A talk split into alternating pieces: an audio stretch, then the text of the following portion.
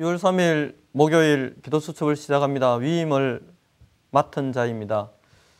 어떤 위임을 하나님은 저와 여러분에게 하셨을까요? 이것이 거룩한 부담이 아니라 감사로 여겨지는 복된 날이 되어야 되겠습니다.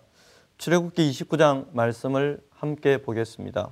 29장 9절에 보면 아론과 그의 아들들에게 띠를 띄우며 관을 씌워 그들에게 제사장의 직분을 맡겨 영원한 규례가 되게 하라. 너는 이같이 아론과 그의 아들들에게 위임하여 거룩하게 할지니라. 아멘. 의학이 발달하고 과학이 점점 발달하고 있습니다.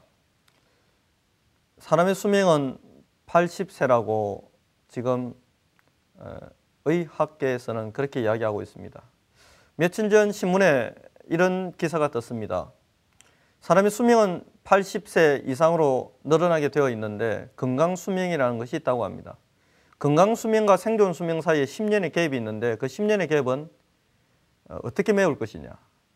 건강을 유지하면서 그 10년을 살아갈 수 있는 인생을 살아야 되는데 대부분의 사람들이 그 10년 동안 병들고 아픔의 시간을 가지게 되어 있다고 어, 신문에서는 말하고 있습니다. 그 간극을 줄이기 위해서 어떻게 경제를 운영하고 어떻게 건강 검진을 하고 어떻게 건강 관리를 해야 되느냐 여기에 대한 어, 기사들을 기자는 세밀하게 어, 써놓고 있는 것을 발견했습니다. 수명이 점점 늘어나지만 그것 때문에 인간이 더 행복해져야 될 것이라고 생각하지만 오히려 더 행복하지 않고 더 큰 불행이 찾아오고 있습니다. 수많은 연예인들이 행복할 것이라고 생각하는데 이면에서는 큰 고통과 절망 가운데 그들은 신음하고 있습니다. 도대체 우울증과 정신 문제와 여러 가지 고통이 무엇 때문에 사라지지 않고 있습니까? 어쩌면 점점 더 심해져가는 이러한 현실들을 우리는 어떻게 이해해야 합니까?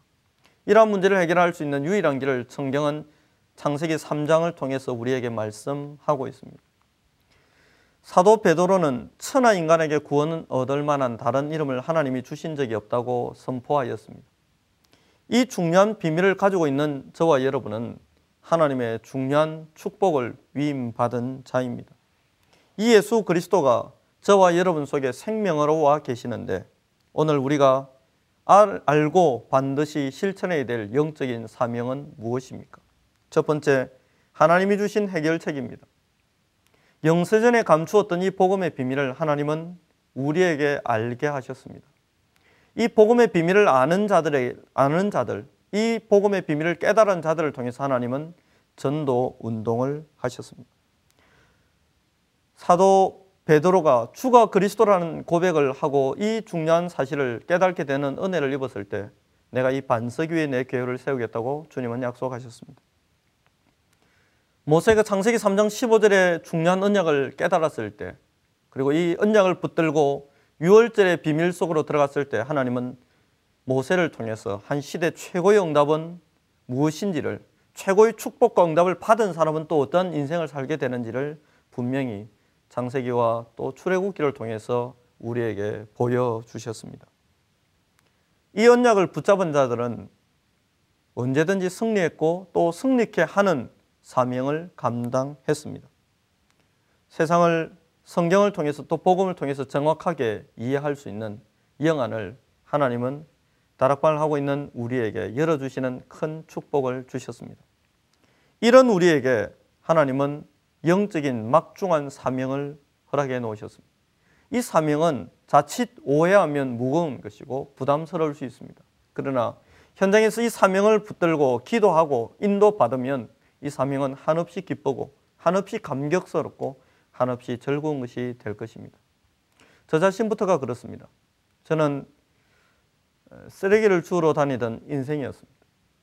바울이 말했던 배설물을 주우러 다니던 사람이었습니다. 그러나 어느 날 하나님이 저희 인생 속에 거룩한 사명과 거룩한 부담을 주셨고 그 부담을 갖고 기도하다가 정말로 보배로운 영혼을 얻고 제자를 얻고 현장을 얻는 그러한 축복을 주셨습니다. 오늘도 새벽 5시에 중요한 일꾼과 제자를 만나기 위한 스케줄부터 시작되었습니다.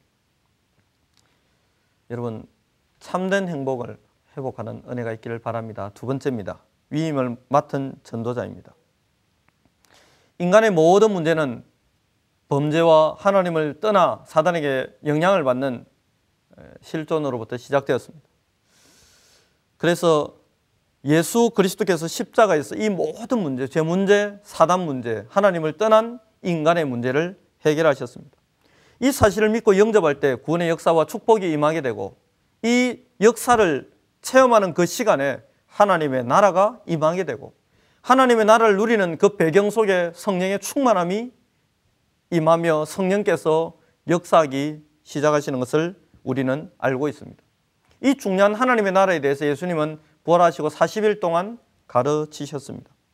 이러한 하나님의 나라를 임하게 하는 중요한 전도자의 축복을 우리는 위임받았습니다.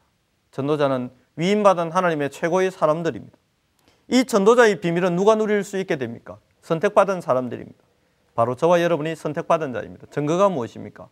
원하는 자들을 부르셨는데 가장 중요한 첫 시작은 함께 있기 위함이요.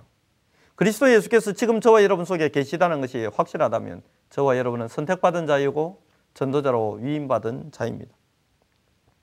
너희는 택하신 족속이요 왕 같은 제사장이요 그의 거룩한 소유된 백성이라고 말씀하셨습니다. 이러한 축복은 예배와 강단을 통해서 회복되고 또 기도를 통해서 회복됩니다. 이러한 축복을 누가 누릴 수 있습니까? 그리스도의 언약을 붙잡은 사람. 그리스도의 언약 속으로 들어가는 사람. 그리스도의 언약을 누리는 사람. 또 하나님이 나를 전도자로 불렀다는 사실을 믿고 감사하는 사람. 바로 그 사람을 통해서 하나님은 이 중요한 전도의 일을 하실 것입니다. 예수님만이 하나님을 만날 수 있는 길이 됩니다. 예수님만이 사단의 근세를 꺾는 유일한 왕 되십니다. 예수님만이 우리에게 참 생명을 주시는 분입니다. 이 예수를 알고 믿고 또 소유한 우리는 마땅히 전도자의 사명을 감당해야겠습니다. 왜 하나님은 오늘 저와 여러분에게 만남을 주십니까? 왜 하나님은 오늘 저와 여러분에게 이 만남의 축복과 응답을 누리게 하십니까? 전도자의 길을 걷는 그 은혜가 여러분에게 있기를 바랍니다. 오늘의 포럼을 나누겠습니다. 어린 양의 피 곧 예수님의 보혈이 내 삶에 흐르고 있습니까? 내게 위임하신 예배자와 전도자의 사명을 바로 알고 행하고 있는지 점검하는 은혜의 날이 되기를 기도합니다. 그리스도의 보혈이 있는 자는 전도자입니다. 기도하겠습니다. 살아계신 하나님께 감사를 드립니다. 우리를 전도자로 불러주셨사오니 전도자의 사명을 감당할 수 있도록 오늘도 성령의 충만함을 주시고 만남을 전도로 볼 수 있는 영안을 열어 주옵소서. 전도자의 삶을 살아가는 것을 막고 불신앙하게 하는 사단의 근세를 꺾으시고 지금 우리와 관계된 모든 현장에 전도의 문을 열 천군 천사를 동원하신 살아계신 예수님의 이름으로 기도합니다. 아멘.